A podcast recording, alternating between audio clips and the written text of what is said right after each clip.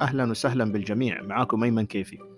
حابب أكمل جزئية التسويف اللي بدأتها المرة الماضية وسميتها التسويف واحد. تسويف اثنين اليوم حنتكلم على الجدول اللي ذكرناه في المرة الماضية وقلنا هذا الجدول آه، مبني بطريقة عكسية ريس كاجوال ومأخوذ من الكتاب اللي هو The New Habits. الفكرة أنا مجربها وعجبتني زي ما قلت وشايف إنه في منها فايدة. نلاحظ إنه نحن عندما نستخدم الجدول نلاحظ إنه نجعل الأوقات المتبقية للإنجاز بعد ما حطينا ووضعنا جميع الأوقات اللي حطينا فيها الترفيه والالتزامات والأنشطة بنحط الأوقات المتبقية عشان ننجز فيها. نخليها ما تزيد عن نص ساعة. بعدها بنخلي في عندنا بريك أو استراحة على أساس يكون في تجديد للنشاط. نلاحظ إنه الناس المسوفين وأنا كنت واحد منهم آه، دائما بينظر يعني آه، يقول يعني بينظر إلى العمل كعمل بالكامل ومجهود بالكامل. فأنا لو أبغى أقرأ كتاب حأنظر إنه الكتاب حياخد كم من يعني كم من الوقت عشان أنتهي من ذا الكتاب كم يوم فأنظر إلى العمل بشكل كبير بشكل شامل. مو مطلوب منك إنك تنهي الكتاب اليوم مو من مو مطلوب منك إنك تنجز في اليوم نفسه فبالتالي هذه تكون ذريعة لك إنه والله نسوي. طيب بعدين أبدأ. الفكرة هنا لا تماما متغيرة. هنا أهم حاجة تجدول الجلسات وفي برامج وفي تطبيقات بتساعد في ذا الأمر. بتضبط الجلسات يعني ربع ساعة عشرين دقيقة نص ساعة. أبدأ في الجلسة. يعني إيش اللي بقوله؟ بقول إنك أنت ركز في الجلسة كيف تبدأ. بس أنا عندي الآن ببدأ في قراءة الكتاب مثلا. خلاص أبدأ أقرأ مدة النص الساعة العشرين دقيقة وأتوقف وأخذ استراحة وأبدأ بعد كده أفكر في جلسة جديدة. مرة على مرة حتلاحظ إنه أنت أنجزت. لكن عدم البدء أصلا في من من أصله آه، ما ما عملت شيء يعني ما أنجزت أي حاجة فبالتالي ما حتخلص يعني.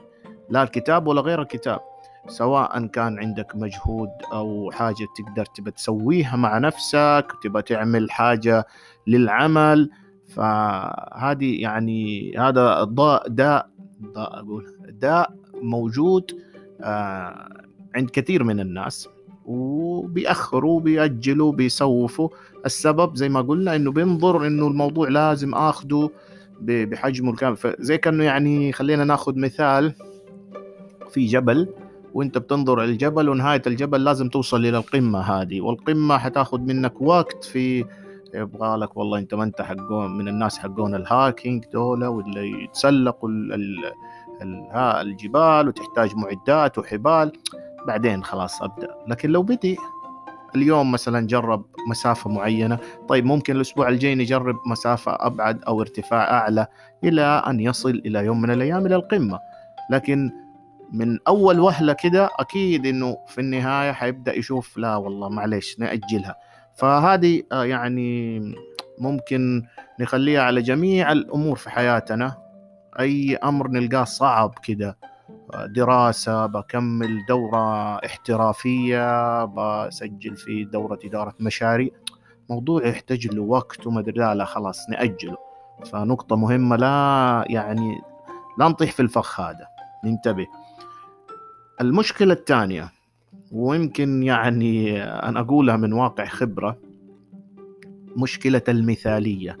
يعني الشخص اللي دائما مسوف تلقاه كمان في الغالب عنده مهارات مرة عالية. من جد عنده مهارات عالية جدا. يبغى الشيء يطلع يعني perfect ما يبغى ولا غلطة. ما يبغى لون ما يصير. أوكي حلو إنك تكون يعني مرتب حلو إنك تكون مميز لكن عدم وجود الأخطاء صعب جدا. الكمال لله يعني لا يمكن. إذا ما كان في عندك بعض الأخطاء وممكن تتعدل كيف كيف حتتطور يعني؟ لا يمكن تسوي العمل من أول فيرجن كده نسخة الأولية وخلاص لازم تكون ما فيها ولا غلط. ليش هم عادة بيدوروا يعني الناس هذول المميزين؟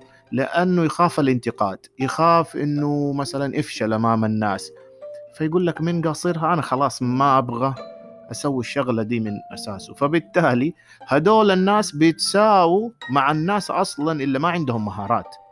فبالتالي أنت تشوفه إنه هو والله ما أنجز شيء أو ما عمل حاجة. ترى مو معناته إنه هو ما أنجز أو ما وصل للشيء اللي أنت تتوقعه. معناته إنه هذا الإنسان ضعيف أو ما عنده مهارات. ممكن عنده مهارات يعني إنسان بروفيشنال في المجال اللي هو شغال فيه. لكن بسبب المثالية هذه العقدة في المثالية وصلته لهذه المرحلة إنه يأجل ويأجل عشان يبغى ما يوقع في الأخطاء واستمر في حلقة التسويف. يديكم العافية.